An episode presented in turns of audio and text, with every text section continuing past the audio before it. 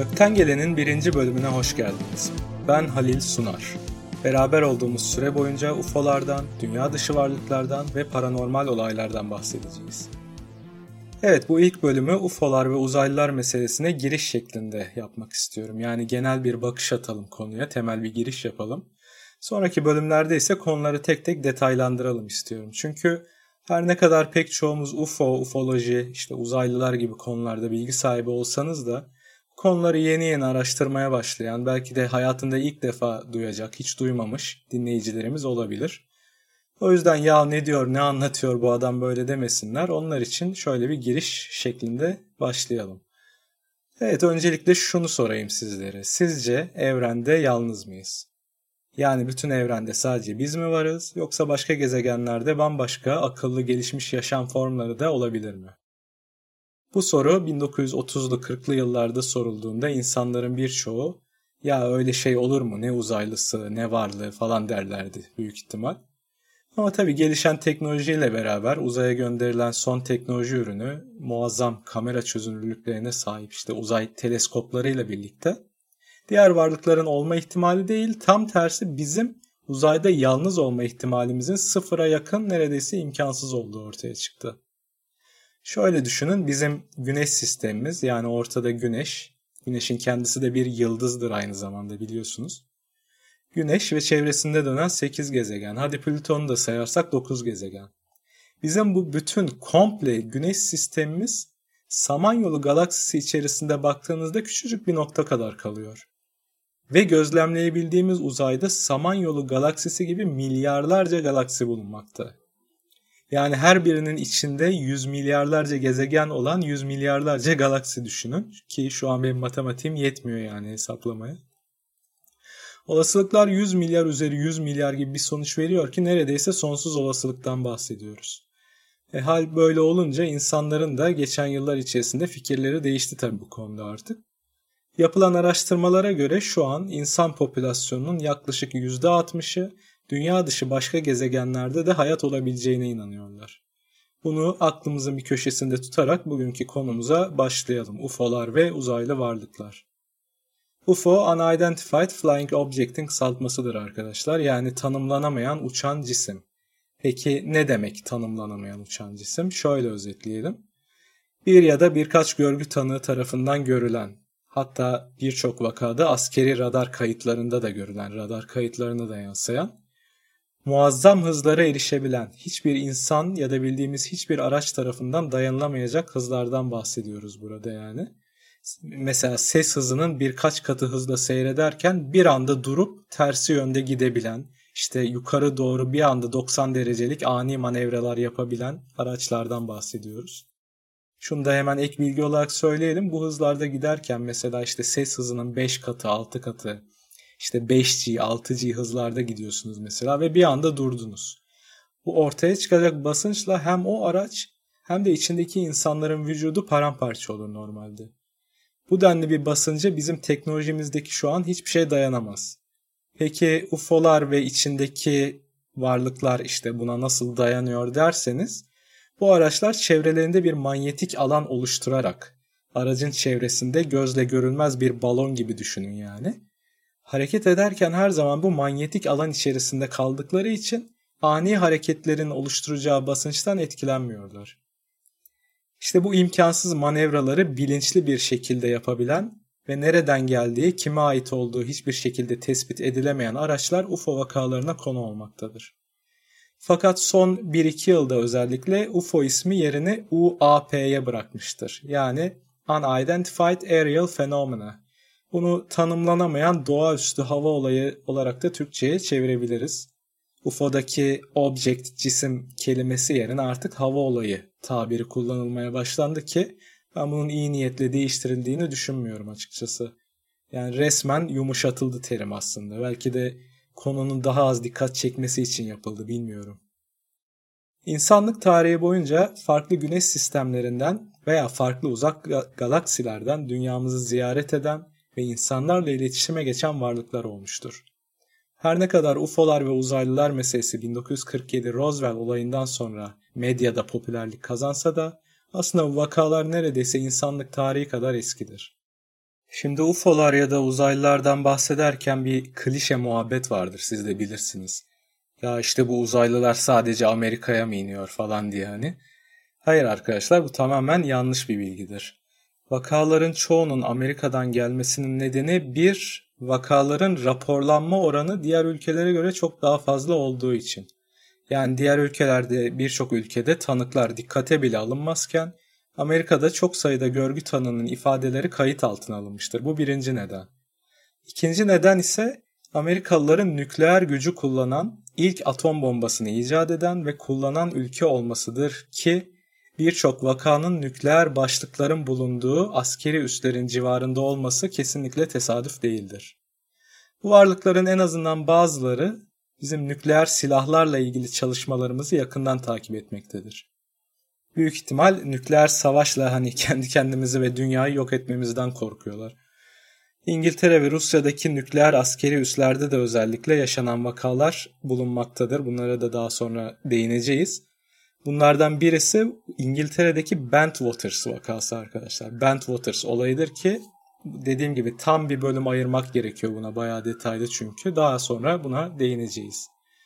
Ancak dediğim gibi sadece Amerika'da değil dünyanın neredeyse her noktasında UFO vakaları yaşanmıştır ve yaşanmaktadır.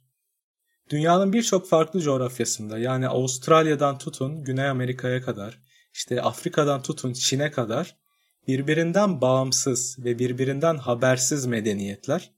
E o zamanın tabi ulaşım şartları malum. Hiçbirinin birbirinden haberi yok. Biri dünyanın işte bir ucunda öbürü bir ucunda falan yani. Bundan binlerce yıl önce mağaralara duvar resimleri çizmişler ve gökyüzünden dünyaya inen araçları ve bu varlıkları bu resimlerde betimlemişlerdir. Mesela Hindistan'ın Karama bölgesinde radyokarbon tarihleme yöntemiyle yaklaşık 10 bin yıllık olduğu hesaplanan duvar resimlerinde yani bariz bir şekilde bizim bugün griler ya da zetalılar olarak bildiğimiz kısa boylu, işte büyük gözlü, büyük kafalı, uzaylı humanoid vaka, e, varlıkların yani humanoid insansı diyelim hani buna. Bu varlıkların çizimleri bulunmuştur mağara duvarlarında. Yine Avustralya'da aborjin yerlilerinden kalan duvar resimlerinde de benzer varlıklar insanlarla yan yana resmedilmiştir. Hatta boylarını kıyaslamışlar işte insanın yarısı boyutunda ya da her neyse hani çocuk boyutunda gibi. Fransa'nın New mağarasında da hani tartışmasız bariz bir şekilde arkadaşlar bizim uçan daire formatında tanımladığımız UFO çizimlerine rastlanılmıştır. Ülkemizde de çok sayıda vaka bulunmaktadır. Hatta daha geçenlerde oldu Gaziantep'te. Belki haberlerde görmüşsünüzdür. Hem iki farklı pilot tarafından hem de yer radarı tarafından tespit edilen bir olay oldu. Pilotlar durumu bildiriyor. İşte bir gün boyunca Gaziantep havaalanı uçuşa kapatıldı o gün. Hatta fotoğrafları bile var. Metalik işte parlak disk şeklinde bir tane UFO Gaziantep semalarında açıkça görünüyor fotoğraflarda. Hatta sonrasında bizim savaş uçakları peşine düşmüş sanırım. Bununla alakalı da yani Türkiye'de gerçekleşen UFO vakaları ile de ilgili bir bölüm yayınlamayı düşünüyorum. Yani bizde de enteresan vakalar mevcut. Peki şimdi tekrar eski zamana döndük. Bundan binlerce yıl önce birbirinden bu kadar uzak ve farklı medeniyetlerin, birbirinden habersiz medeniyetlerin aynı şeyleri, aynı olayları betimlemesi aslında bize gösteriyor ki evet, tarihin bir döneminde dışarıdan birileri dünyaya iniş yaptı ve bizim atalarımızla temasa geçtiler. O zamanki ilkel atalarımıza işte matematiği, tarımı, mühendisliği, astronomiyi öğrettiler ve evrimimizde bir anda ileri doğru ileri bir adım atmamıza yardımcı oldular. Acaba neden? İyi niyetle mi yaptılar bunu yoksa işin arka planında başka hesapları mı vardı? Bunu ileriki bölümlerimizde özellikle Sümer medeniyeti ve Sümerlerin tanrıları olan Anunnakilerle alakalı bölümümüzde detaylıca konuşacağız. Peki UFO ve uzaylı varlıklar konusu neden önemlidir? Bu kadar insan, bu kadar kuruluş, yıllarını vererek, işte büyük paralar harcayarak neden ufoloji hakkında araştırmalar gerçekleştiriyor? Hem araştırmacıların hem de benim de şahsi fikrim Dünya dışı varlıklardan elde edilen bilgiler insanoğlunun, insan ırkının resmen çağ atlamasını sağlayacak. Hatta ve hatta nükleer silahlar kullanarak kendi kendimizi yok etmemizin önüne geçecektir. Nasıl yani diye sorabilirsiniz şimdi. Şöyle düşünün. Bu varlıklar uzayda bu kadar uzak mesafeleri nasıl kat ediyorlar düşünelim. Yakıtları nasıl yetiyor yani? Biz daha dibimizdeki Mars'a bile insan gönderemedik biliyorsunuz. Yani evet fotoğraflaması için araçlar gönderdik ama henüz insan ayak basmadı Mars'a. Peki yüzlerce binlerce ışık yılı ötesinden nasıl buraya seyahat ediyorlar? Tabii ki sıfır noktası enerjisini yani evren enerjisini evrenin her noktasında hali hazırda var olan enerjiyi kullanarak herhangi bir yakıta ihtiyaç duymadan seyahat ediyorlar. Sıfır noktası enerjisi teknolojisi sadece seyahat amaçlı değil aslında her alanda kullanılabilir. Düşünsenize dünyanın her noktasında hem sonsuz hem bedava enerji kaynağına sahip olduğumuzu. Petrole ihtiyacımız kalmaz, kömüre ihtiyacımız kalmaz. İşte adım başı her nehrin üzerine hidroelektrik santral kurarak doğanın dengesini bozmak zorunda kalmayız. Nükleer atık derdi son bulur. Ülkelerin arasında yaşanan enerji savaşları son bulur. Dünyanın her köşesinde, en ücra, köylerde, kasabalarda bile refah seviyesinin nasıl artacağını düşünün. E bu kadar hayati bir önem taşıyan bu konunun neden hep üstü örtülüyor peki? Neden hiç medyada kendine yer bulmuyor ya da neden birçok insanın bundan haberi bile yok? Stephen Greer, tanınan bilinen en büyük, en meşhur UFO araştırmacısı kendisi. Yani bu adamın bazı Amerikan başkanlarıyla bile irtibatı var, öyle bir araştırmacı. Stephen Greer bu ufoloji ve işte uzaylı varlıklar konusunun neden bu kadar üstünün örtüldüğünü şu şekilde açıklıyor. 1947 yılında Roswell'de düşen UFO'nun ardından bu olayın üstünün örtülmesi başlarda kötü niyetli değildi. O zamanki Amerikan hükümeti ve askeri yetkililer buldukları UFO ve uzaylı bedenleriyle ne yapacaklarını bilemiyorlardı. UFO'nun içerisinde bulunan ekipmanların, parçaların ne işe yaradıklarının anlaşılması bile yıllar sürdü. Ayrıca bulguların casusluk vasıtasıyla düşman ülkelerin eline geçmesini de istemedikleri için o zamanın şartlarında konunun üstünü kapattılar. Fakat 1960'lı yıllara gelindiğinde merkezi Amerikan hükümetinin otoritesinin zayıfladığını ve yürütülen gizli projelerin bu büyük devasa projelerin havacılık şirketlerinin özellikle Lockheed Martin gibi ya da Northrop Grumman gibi savaş uçağı ve uzaycılık teknolojileri üreten büyük şirketlerin e, eline geçtiğini yani bu şirketlerin monopol duruma geldiğini söylüyor. Sonuçta Amerikan hükümetinin bu teknolojileri çözmek için büyük havacılık teknoloji firmalarından yardım alması gerekiyordu. Yapacak başka bir şey yok o, o konuda da. Peki bu büyük havacılık şirketlerinin yönetim kurulu ve mühendisleri genelde kimlerden oluşuyordu tahmin edin. Eski Nazi subaylarından. Evet, İkinci Dünya Savaşı'ndan sonra yakalanan birçok Nazi SS bilim adamıyla anlaşmaya varılmış. Nazi Almanyası için yaptıkları araştırmalara Amerika Birleşik Devletleri'nde devam etmeleri koşuluyla bunların hapis ve idam cezaları iptal edilmiştir. Başta Warner von Braun, belki telaffuzum yanlış olabilir Almanca olduğu için, Werner von Braun isimli bilim adamı olmak üzere bu Alman bilim adamları ilk roketi yani bu meşhur bilinen Alman V2 roketini, ilk jet motorlu uçağı ve daha da önemlisi insan yapımı ilk UFO'yu hayata geçiren insanlardır.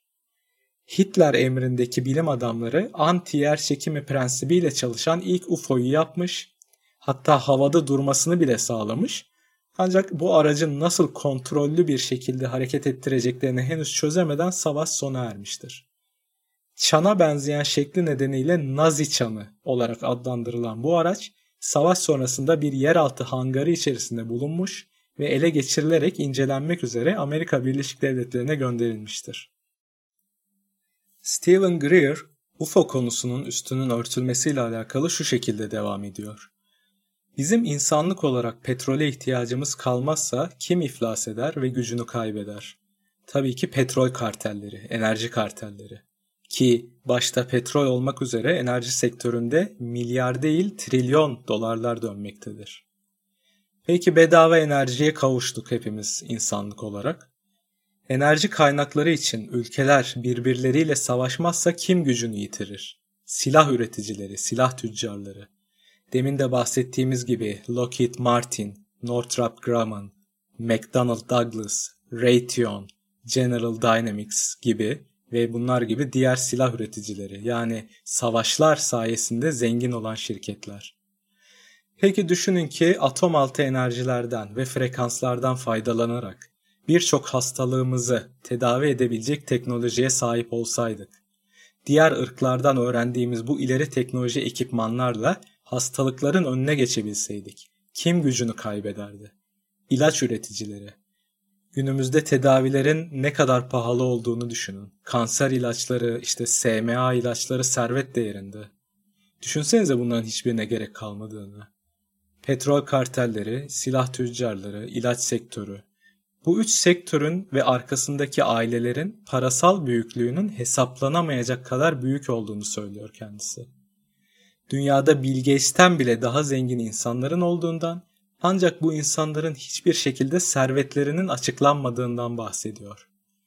Bu arada kendisinin Unacknowledged yani Türkiye'deki çevirisiyle Yok Sayılan Kanıtlar isimli belgeselini şiddetle tavsiye ederim arkadaşlar. Unacknowledged yani ağzınız açık izleyeceksiniz emin olun. Konuya merakınız varsa kesinlikle izlemelisiniz diye de ekliyorum. Elbette artık 1930'lu 40'lı yıllarda yaşamıyoruz. İnternet ve bilgi çağındayız malum. Hal böyleyken insanların artık konuya çok daha açık fikirli olarak yaklaştıklarını düşünüyorum bu UFO konusuna.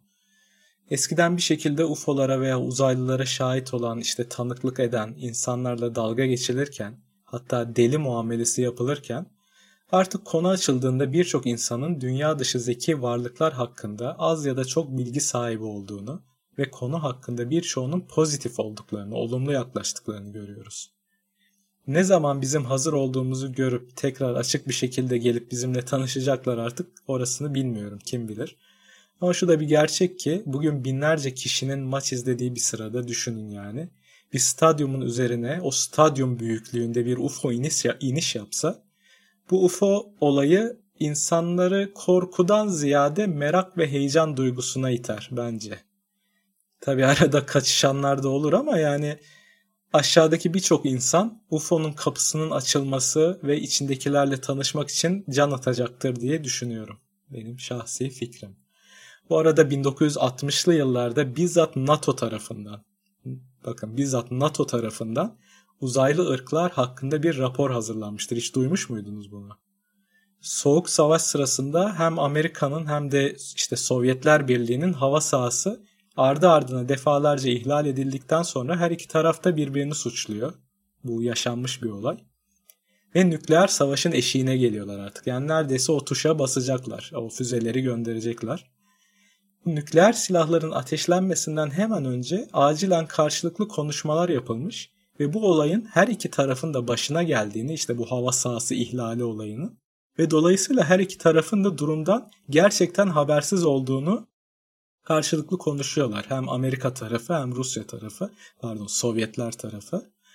Ve hem CIA'in hem de NSA'in yönlendirmeleri altında NATO bünyesinde dünyayı ziyaret eden yabancı ırklar hakkında bir rapor düzenlenerek dünya liderlerine sunuluyor 60'lı yıllarda. Bunun bilgisi içeriden işte bilgi sızdıran eski emekli askerler ve ajanlar tarafından verilmiş olup raporda 12 farklı ırktan bahsedildiği ve bu ırkların bazılarının binlerce yıldır dünyada bulunduğu belirtiliyor. 12 zeki varlık türü ki bu bilinenler sadece. Bunların arasında doğrudan bazı büyük ülkelerin yönetimiyle temasta olan ırklar var. Başta bizim griler ya da zetalılar dediğimiz ırk olmak üzere. Dünyada yaptıkları biyolojik araştırmaların üzerinin örtülmesine karşılık hükümetler tarafından insanlara bazı teknolojilerin sırlarını veriyor bu varlıklar. Yani çok da hevesli değiller aslında bize teknoloji vermeye. Sonuçta hani 1947 Roswell olayında ele geçen bazı teknolojileri onlar bize vermedi. Biz düşen araçtan söküp çıkardık yani. Evet son olarak bu arada bazı UFO çeşitlerinden de kısaca bahsedelim. Gözlemlenen UFO'lar hem şekil hem de boyut olarak birbirinden oldukça farklı yapılara sahip olabilmektedirler. En çok bilinen işte disk şeklinde yani uçan daire olarak tanımlanan araçlar olup bunların tek kişilik olanları yani ortalama bir işte bizim bildiğimiz araba boyutunda olanları da vardır. Ancak yaklaşık 30 metre çapında olan versiyonları da gözlemlenmiş ve kayıt altına alınmıştır. Bir diğer yaygın şekil oval şekildeki UFO'lardır ki bunlara kabaca işte bir yumurtaya da benzetebiliriz şekil olarak. Roswell'de düşen UFO'lar oval şekildedir, disk şeklinde değildir. Bu yanlış bilinen bilgilerden biri de bu aslında. Oval bir şekle sahipti bunlar. Bu araçlar dışarıdan bakıldığında tek parça halinde görünmektedir. Yani işte pencereleri ya da herhangi bir çizgi, bir birleşim noktası vesaire bulunmamakta gövdelerinde. Boyut olarak yine değişkenlik göstermekle birlikte en çok karşılaşılanları genelde 14-15 metre uzunluğa sahiptir. Bunların haricinde delta şeklinde, piramit şeklinde, V harfi şeklinde veya uzun ince yani pro şeklinde tabir edilen araçlar da gözlemlenmiştir.